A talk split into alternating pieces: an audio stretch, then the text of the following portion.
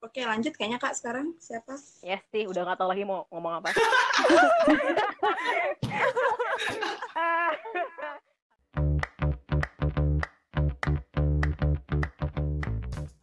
Halo Komnet, saat ini kamu sedang mendengarkan obrolan perspektif. Obrolan ringan dan asik mahasiswa ilmu komunikasi Universitas Udayana.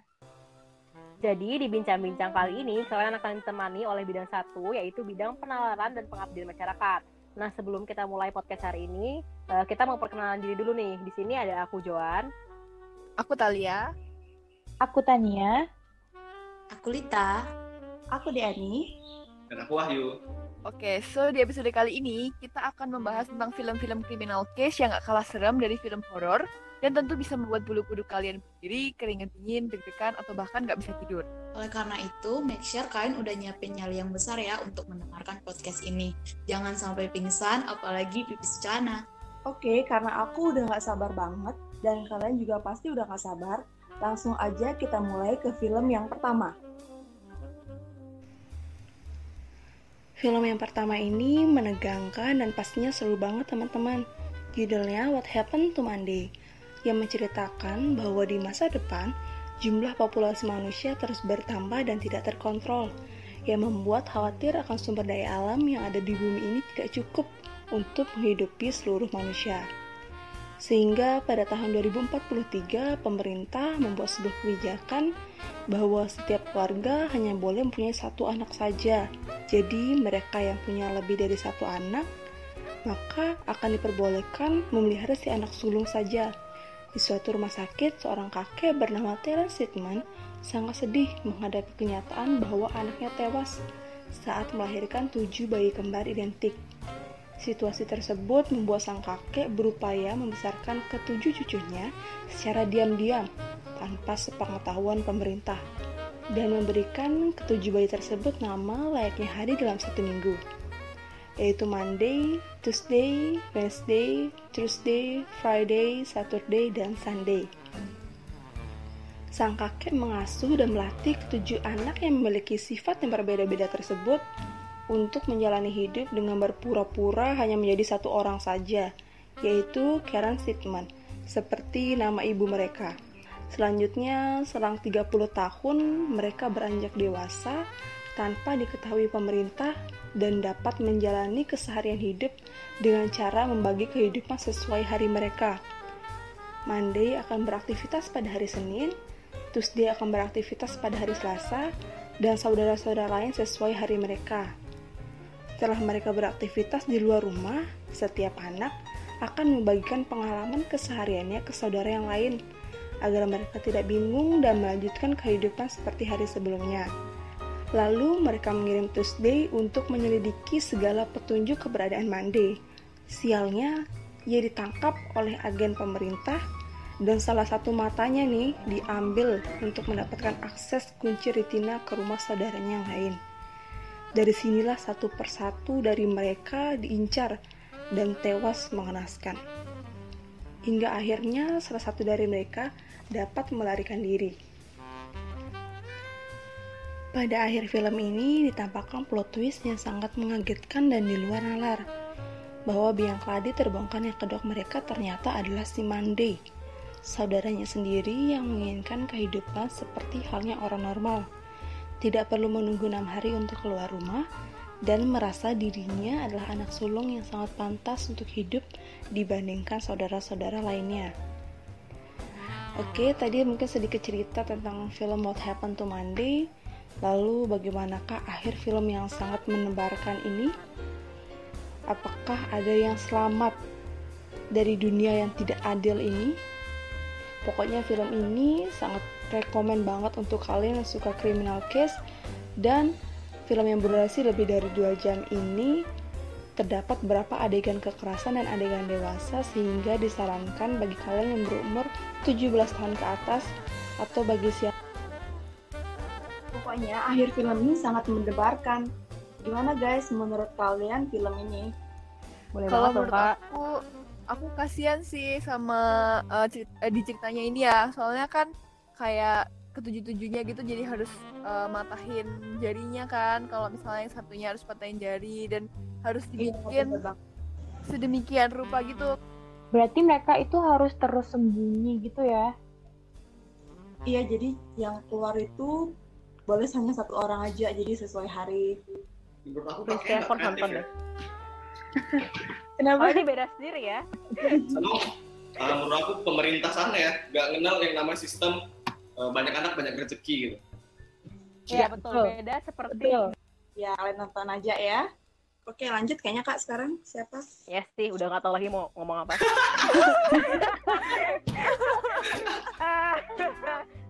Setelah tadi Deani review film tentang tujuh anak kembar identik yang harus sembunyi karena suatu aturan, nah sekarang giliran aku ya guys yang bakal review film yang berjudul My Friend Dahmer. Dari judul filmnya sih kayak sweet gitu ya, tapi jangan salah sangka dulu nih guys. Film ini tuh diangkat dari kisah nyata seorang Jeffrey Lionel Dahmer yang merupakan pembunuh berantai asal Amerika Serikat. Ia tercatat telah membunuh 17 pria dan anak laki-laki antara tahun 1978 sampai 1991. Pembunuhan tersebut melibatkan pemerkosaan, mutilasi, nekrofilia dan kanibalisme. Buat kalian yang belum tahu nekrofilia itu apa, jadi nekrofilia adalah suatu ketertarikan kepada mayat. Jadi dia juga dikabarkan memerkosa mayat gitu. Ngeri banget kan? Aduh. Tapi film ini hanya fokus pada masa-masa SMA si Dahmer, masa-masa sebelum si Dahmer itu melakukan pembunuhan pertamanya. Jadi di awal film nih si Dahmer udah menunjukkan gelagat-gelagat yang aneh nih guys. Jadi eh, terus cerita berlanjut dan ternyata orang tua si Dahmer ini adalah ahli kimia dan Dahmer itu dibuatin semacam laboratorium kimia gitu. Di situ Dahmer melakukan berbagai macam eksperimen dan dia tuh tertarik banget gitu loh sama bangkai hewan saking tertariknya dia sampai ngelarutin bangkai-bangkai hewan itu ke dalam larutan asam gitu kalau nggak salah. Terus dia ambil tulang-tulangnya. Jadi dia tuh suka bagian tulang-tulang hewan-hewan yang dia temuin. Gelagat-gelagat aneh si Demer ini tuh yang ngebuat Demer dianggap aneh sama temen-temennya kan. Ya gimana nggak aneh gitu ya kan. Jadi dia tuh nggak punya teman akhirnya tapi orang tua Demer ini lama-lama kesel karena anaknya tuh kurang sosialisasi. Kayak kerjaan anaknya tuh cuman di dalam lab aja terus gitu kan. Nah buat kalian tuh yang kepo gimana sih gelagat-gelagat Demer yang aneh lainnya? Dan apakah Demer ini bakal punya teman? Dan gimana sih taktik Demer kepada korbannya? Kamu bisa nonton filmnya di platform-platform kesayangan kalian. Aku nggak akan spoiler dulu karena pengen kalian nonton dan kalian simpulin sendiri gimana sih filmnya gitu. Jadi bagaimana teman-teman apakah eh, kalian tertarik buat nonton My Friend Dahmer ini tentang psikopat sangat. itu? Itu dari kisah nyata ya, Tan? Ya betul, dari kisah nyata. Jadi kayak orang-orang tuh kan pada taunya Ted Bundy gitu kan. Jarang aja yang tahu si Jeffrey Dahmer ini gitu. Berarti di film ini ini ya kan eh, nggak ada kekerasannya tapi kayak dia masuk ke criminal case gitu ya. Iya masuk ke kriminalitis karena di ending itu ya bakal ngejelasin sih kayak gimana alur dia yang jadinya ngebunuh korban pertamanya gitu. Tadi apa judulnya? Tunggu aku John, tanya dong. Ini kan aku My Friend Dahmer judulnya. oh, tadi judulnya. Gimana gimana Wahyu? Kak Johan? Tadi kan dibilang pembunuhnya itu suka apa namanya bersetubuh dengan mayat kan? Itu dia ada diceritain nggak kayak mayat itu spesifik mayat yang dibunuh atau kayak mayat-mayat random yang dia jumpa? Dia itu udah kayak nargetin korbannya gitu loh. Dan korbannya kan semua laki-laki. Dan dia emang udah kayak ngintai dari lama makanya dia Hmm. mau aku jadi korban gitu. Jadi emang dia Ah, nargetin. oke. Berarti sama yang kayak ini gitu, yang di Hmm. London itu ya, yang Reinhardt itu ya, kan gay juga. Oh iya bener, aja. Iya benar. Next next. Oke. Siapa next ya? Eh, Wahyu Wahyu. Wahyu. Iya. Jadi ini jadi ini film yang mau kuangkat yang baru ku tonton tadi jam 11 siang WIB. Itu film berjudul tentang casting John Benet. Jadi film casting John Benet ini diangkat dari kisah nyata. Sebelumnya aku ceritain dulu lah apa itu John Benet. Jadi John Benet ini adalah seorang anak perempuan umur eh, pada kelahiran tahun 90. Pada saat itu dia masih umur 6 tahun. Terus pada saat umur 6 tahun ini dia terlibat kasus pembunuhan yang di mana dia adalah korban korban pembunuhan. Nah, Mhm. jadi John Bennett ini adalah anak dari John Bennett, seorang pengusaha terkenal di Amerika Serikat yang kaya raya dan istrinya Patsy Ramsey. Itu Patsy Ramsey itu kalau kakak searching ya dia kayak kayak Miss Miss World tapi bukan Miss World. Nah, baru kan eh, kayak John Bennett ini pengen tertarik lah sama dunia-dunia fashion show dan segala macamnya. Singkat cerita, John Bennett ini lu- akhirnya menang Miss World ini dengan usia yang sangat muda di umur 6 tahun. Dia ikut lomba semua kontes kecantikan fashion show itu, pokoknya dia selalu menang. Nah, baru pada tanggal 26 Desember 1996, kalau nggak tahu ini benar atau enggak, tapi eh, John Bennett ini ditemukan meninggal di meninggal pada tahun segitu, sehabis Natal. Kalau kalian pengen cerita lengkapnya ini ada di ini, eh, apa? Akun YouTube-nya Church ya. Oke, jadi eh, aku ceritain kronologi gimana eh, hari pembunuhannya, hari penemuan mayatnya. Jadi diceritakan di eh, menurut kesaksian jam 5.30 pagi itu Patsy Ramsey itu turun ke bawah dia mau buat kopi lah. Terus di di mesin kopi itu dia menemuin surat pembunuh surat sebanyak dua setengah halaman yang berisi tentang pokoknya intinya tentang John Bennett ini udah ditangkap dan penculik itu minta tebusan 118 ribu dolar. Datanglah polisi ke rumahnya John Bennett. Setelah dilakukan penyelidikan, penyelidikan akhirnya mayat John Bennett itu ditemukan di basement di rumahnya Patsy Ramsey sendiri.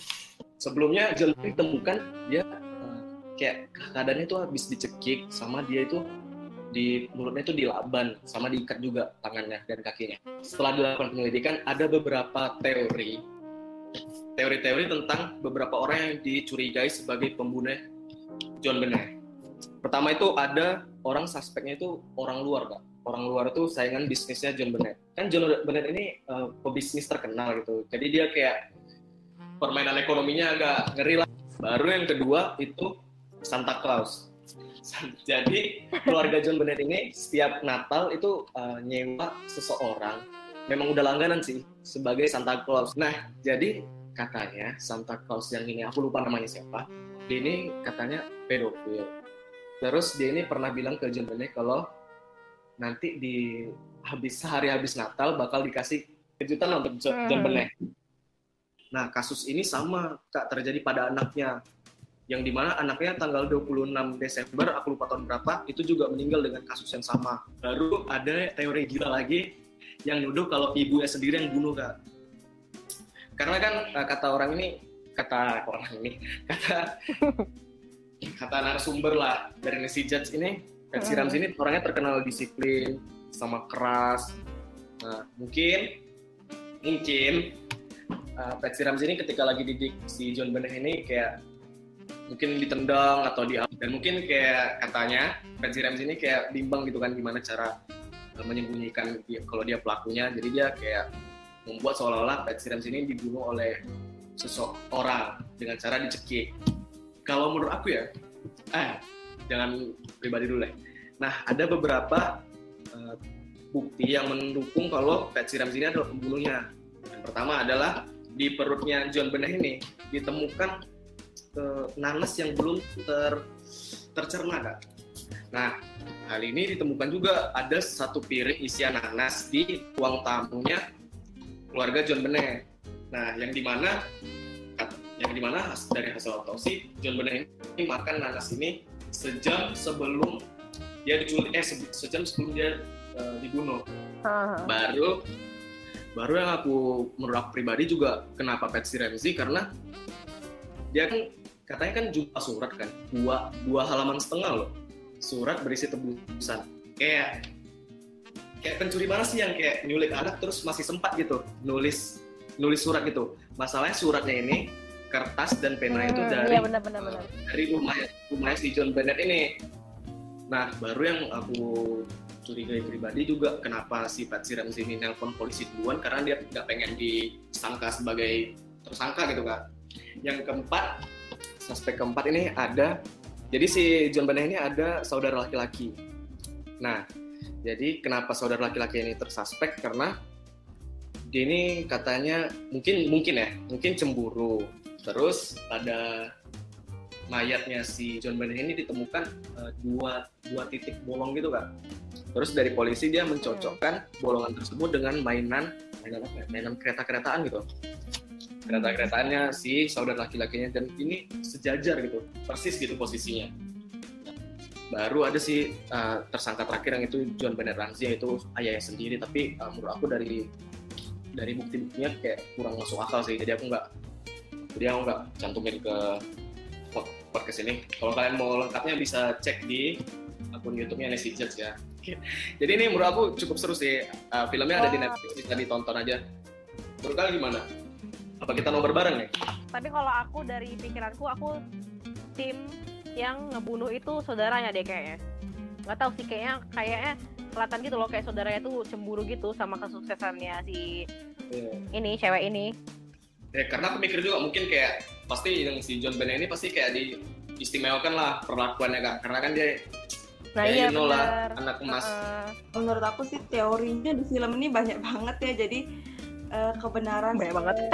kasus pembunuhannya John Bennett tuh masih diselidikin atau udah ditutup atau kayak gimana ya kayaknya udah ditutup deh tapi kasusnya masih belum terpecahkan Wow. Oh, berarti hebat oke. banget ya menyelidikkannya. Eh, kalau aku ya aku kan baru dengar tentang kasus ini baru ini loh.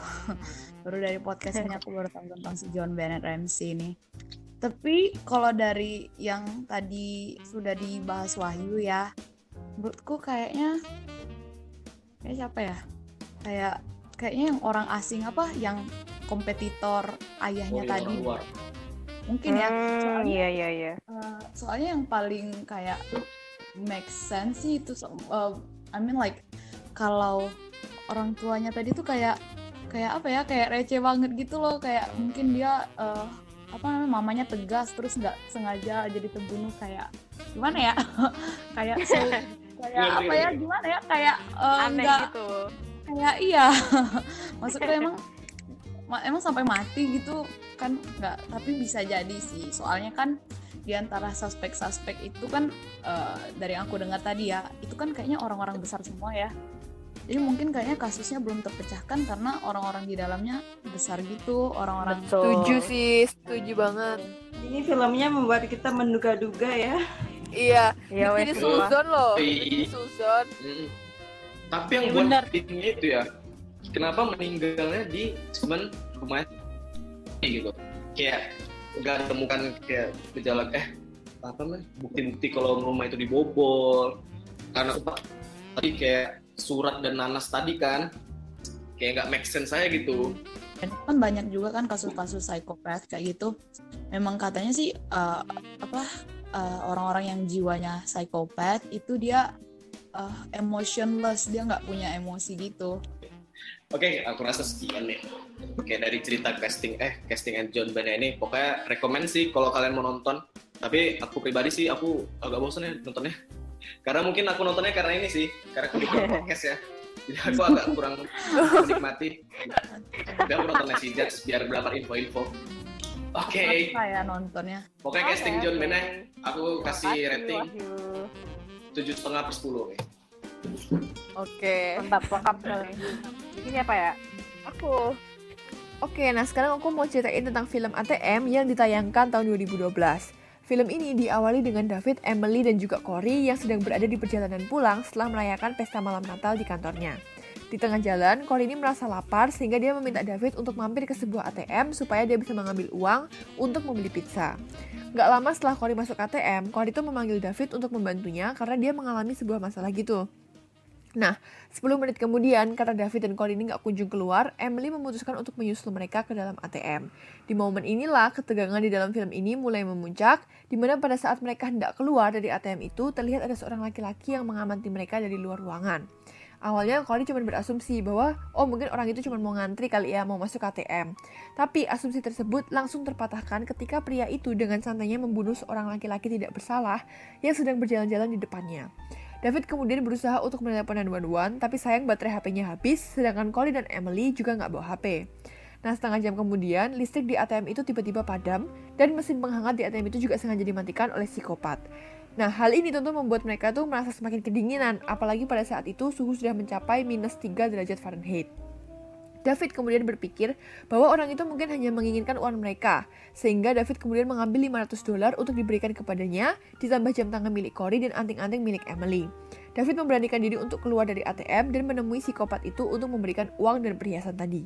David juga sekaligus memanfaatkan momen ini untuk berlari ke dalam mobilnya, tapi sialnya kabel starter mobil tersebut sudah diputus. Kemudian David mengambil, mengambil handphone milik Emily untuk menelepon 911. Tapi belum sempat dia menelpon, psikopat itu sudah berhasil memecahkan kaca mobil sehingga membuat David harus terburu-buru keluar dan kembali ke ATM tadi. Dan dua jam sudah mereka itu terjebak di ATM. Waktu sudah menunjukkan pukul setengah empat pagi dengan suhu udara yang tentu semakin dingin. Sampai tiba-tiba ada seorang polisi yang sedang berpatroli menyadari keberadaan mereka. Tapi belum sempat polisi ini membantu, psikopat tersebut langsung membunuh polisi itu hingga tewas di tempat. Selain itu, mereka juga tiba-tiba dikejutkan dengan seseorang yang menyerupai psikopat masuk di dalam ruangan ATM. Sehingga dalam kondisi panik, mereka segera membunuh psikopat itu dan merasa lega karena mereka ini menganggap telah berhasil membantu psikopat itu. Tapi ternyata, Cory baru menyadari bahwa orang yang mereka bunuh bukanlah psikopat, tapi seseorang petugas kebersihan yang biasa membersihkan ruangan ATM itu. Cody yang sudah tidak tahan lagi memutuskan untuk keluar dari ruangan dan lari sekencang-kencangnya untuk menyelamatkan diri. Tapi belum jauh ia berlari, ia justru terkena jebakan dari psikopat itu sehingga membuatnya jatuh dan ditusuk menggunakan pisau berkali-kali. Setelah itu psikopat tersebut kemudian berlari ke belakang ruangan dan mengambil sebuah selang air. Di sisi lain, David dan Emily ini melihat Cory itu masih hidup, sehingga dia langsung menyelamatkan Cory serta membawanya masuk dalam ATM lagi. Setelah psikopat tersebut kembali, psikopat tersebut kemudian mendorong mobil David sampai menghalangi pintu sehingga membuat mereka nggak bisa keluar.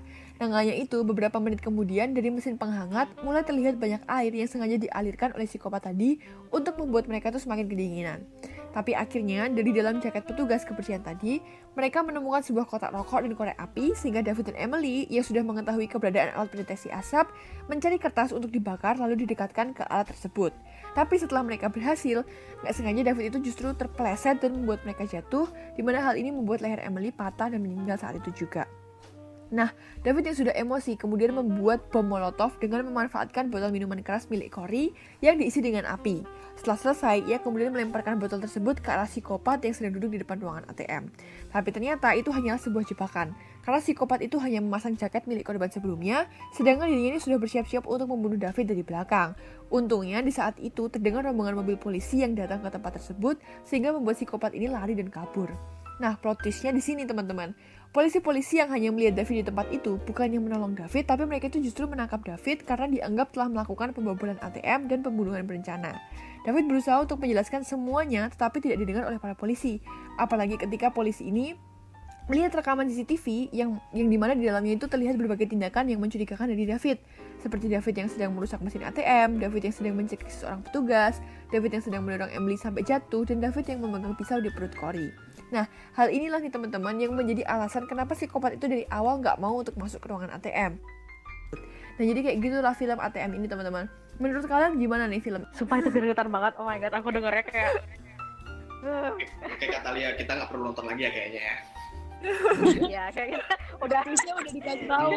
Nah, tapi tapi sebenarnya aku ini sih kenapa aku pilih film ini itu karena eh, kan plot twistnya keren ya Eh, nggak terduga-duga Hmm. gitu dan eh, menurut aku setting lokasinya sih yang unik gitu kayak mereka cuma pakai ATM aja satu ATM Iya, kecil kayak. BNI di Iya. kampus kita gitu tapi bener-bener dapet sensasi seremnya itu pernah nggak ke ruangan sama satu orang?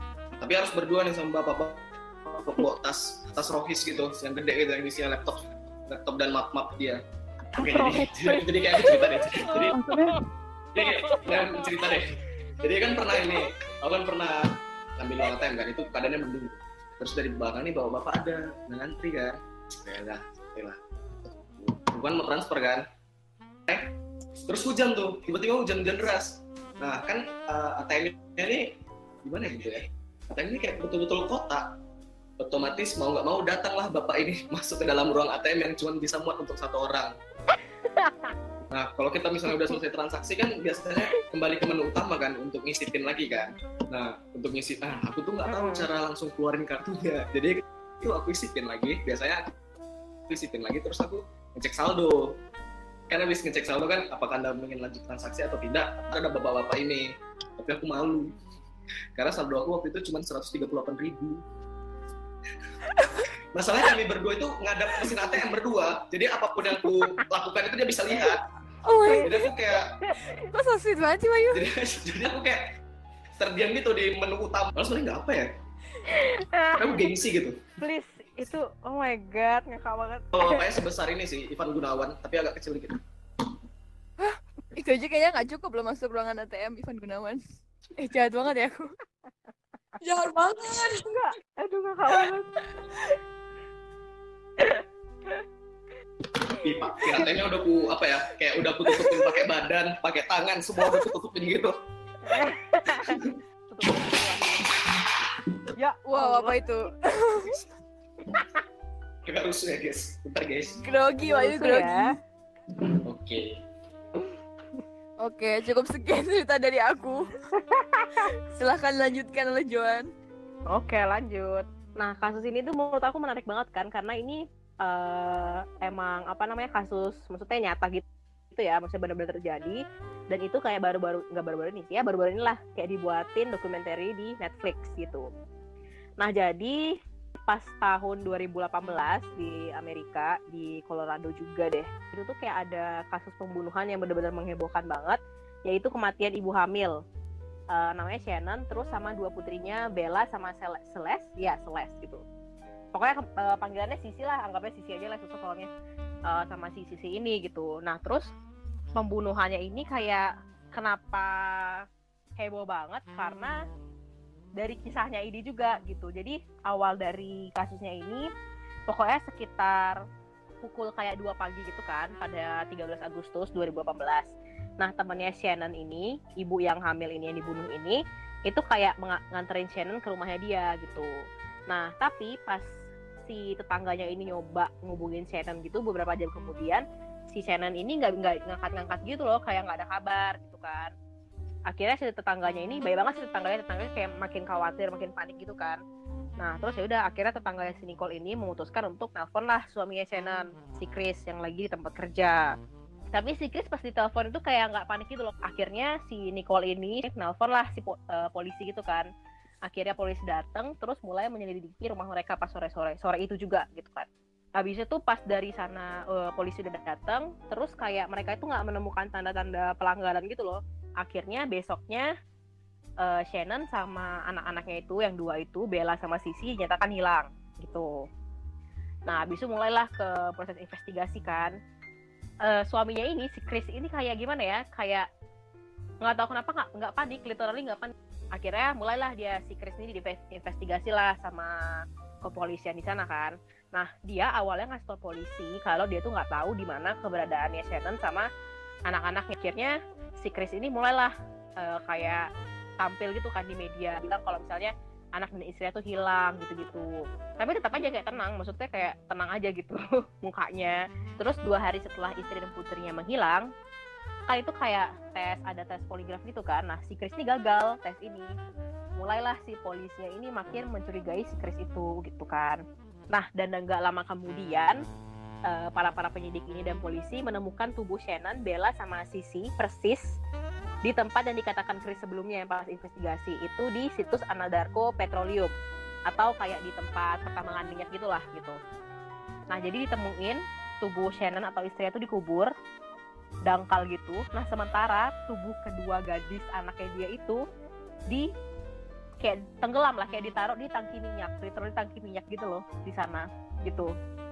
Sampai kayak kulitnya anak-anaknya itu kayak udah hancur gitu loh. Nah akhirnya pada 21 Agustus Chris ini didakwa atas pembunuhan keluarganya. Nah walaupun udah didakwa tapi Chris ini setiap ditanyain lagi gitu dia selalu kayak ubah-ubah cerita gitu loh. Setiap ditanya ubah terus, setiap ditanya ubah terus. Nah akhirnya dia dijatuhin lah hukuman. Pokoknya totalnya 84 tahun lah gitu sekitar segituan. Padahal uh, si Shannon ini dan kayaknya masih bisa dilihat sih sampai sekarang nggak tahu ya kalau misalnya udah diblokir atau belum. Kalau misalnya Shannon itu kan masih punya Facebook tuh. Nah di Facebook itu dia aktif banget ngepost tentang keluarganya mereka. Ada foto anak-anaknya, video keluarganya mereka, pokoknya keluarga bahagia lah gitu. Makanya sempat heboh karena kan mereka katanya di sosial media keluarga bahagia kan gitu. Gitu sih sebenarnya untuk kisahnya si Chris Watts ini. Begitu guys. agak serem ya Iya, aku paling gak tega sih ngeliatin anak-anak kecil yang gak bersalah gitu. Tahun berapa kejadiannya ya? tahun 2018 baru kok sumpah baru 2018 bayangkan Chris itu nonton nggak sih gimana filmnya ini? kayaknya iya deh Bener ya, bener ya. Harusnya ditontonkan loh. Harusnya ditontonkan. Iya kan, makanya aku kayak juga kaget gitu loh. Ini bener-bener eh, aku pas pertama kali lihat juga di Nancy Jazz juga ada sih sempet kalau misalnya kalian mau males nonton filmnya Nancy Jazz juga ada yang jelasin. Iya lanjut boleh Rita. Wah, keren-keren sekaligus menyeramkan ya film-film yang tadi udah dibahas sama teman-teman. Nah, aku juga bakal bahas sebuah film yang baru-baru ini aku tonton yang juga gak kalah nyeremin nih. Judulnya Girl in the Basement. Film ini mengisahkan tentang seorang gadis berusia 18 tahun bernama Sarah yang dikurung oleh ayah kandungnya sendiri di ruang bawah tanah rumahnya selama kurang lebih 20 tahun. Yang buat film ini jadi lebih serem adalah karena film ini terinspirasi dari kisah nyata yang terjadi di Austria di mana Joseph Fritzl mengurung anaknya Elisabeth Fritzl selama 24 tahun di basement rumahnya. Walaupun terinspirasi dari kisah nyata, namun film ini tidak dibuat sama persis dengan kisah aslinya. Latar belakang tempat, nama tokoh, dan beberapa cerita ada yang berbeda dengan kisah aslinya. Film ini diawali dari scene makan malam keluarga Cody yang terdiri dari Don Cody dan Irene Cody beserta kedua putrinya Sarah dan Mary. Nah, dari awal film emang udah ditunjukin nih kalau si Sarah itu nggak punya hubungan yang baik dengan ayahnya. Ayahnya itu adalah ayah yang posesif dan Sarah bukanlah anak yang selalu nurut dengan orang tua.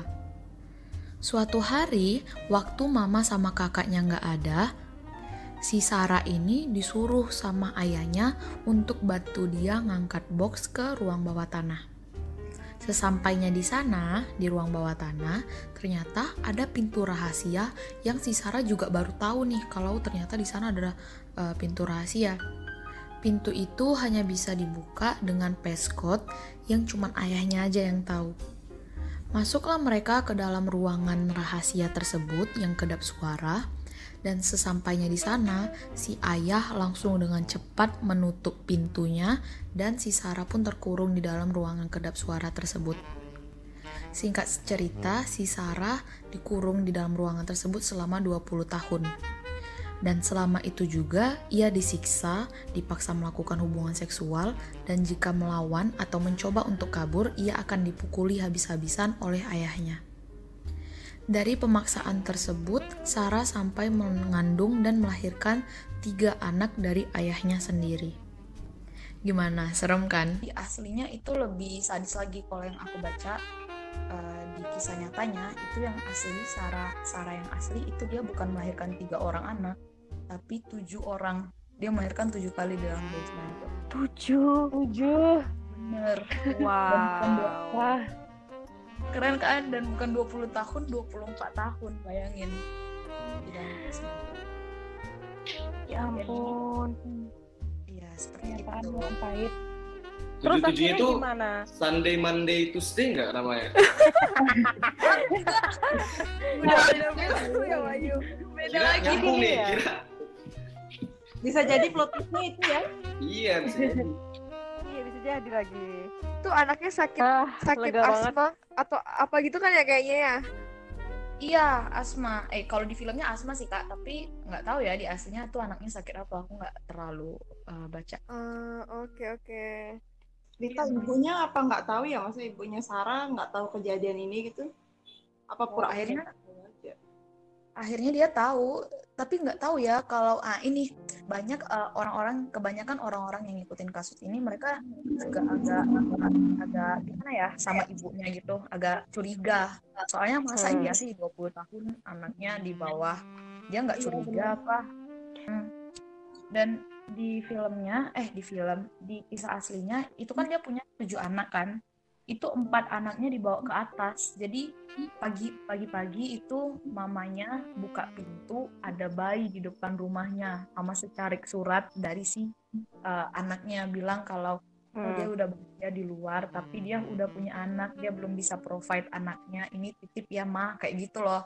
Jadi uh, itu sih Ah. mamanya percaya kayak oh ini anaknya gitu loh. Itu sebenarnya ditaruh bapaknya bayi di depan rumah gitu. Kayak film-film tapi Dan- bedanya ini asli. mamanya nih ngerawat anaknya si anaknya ini iya Iya loh. Dan dari bapaknya lagi ada yang Hasil Dari dari, suaminya gitu. Aduh Tapi ibunya juga iya iya aja lagi. Tapi kalau aku kasihan juga sama anak-anak yang di basement itu loh. Kayak mereka benar. gimana ya? Nggak bisa lihat luar, nggak bisa bernafas. Makanya di filmnya itu ceritain bahwa anaknya asma kan, karena nggak ada ventilasi buat mereka ini. dari tadi ini kisah-kisah bapaknya loh yang jadi penjahat Nah, iya bener. oh iya juga ya Nah, jadi itulah 6 film tentang criminal case yang menurut kami sangat menarik untuk dibahas dan diceritakan kepada kalian. Gimana? Kalian udah merinding belum? Nggak pada pingsan kan?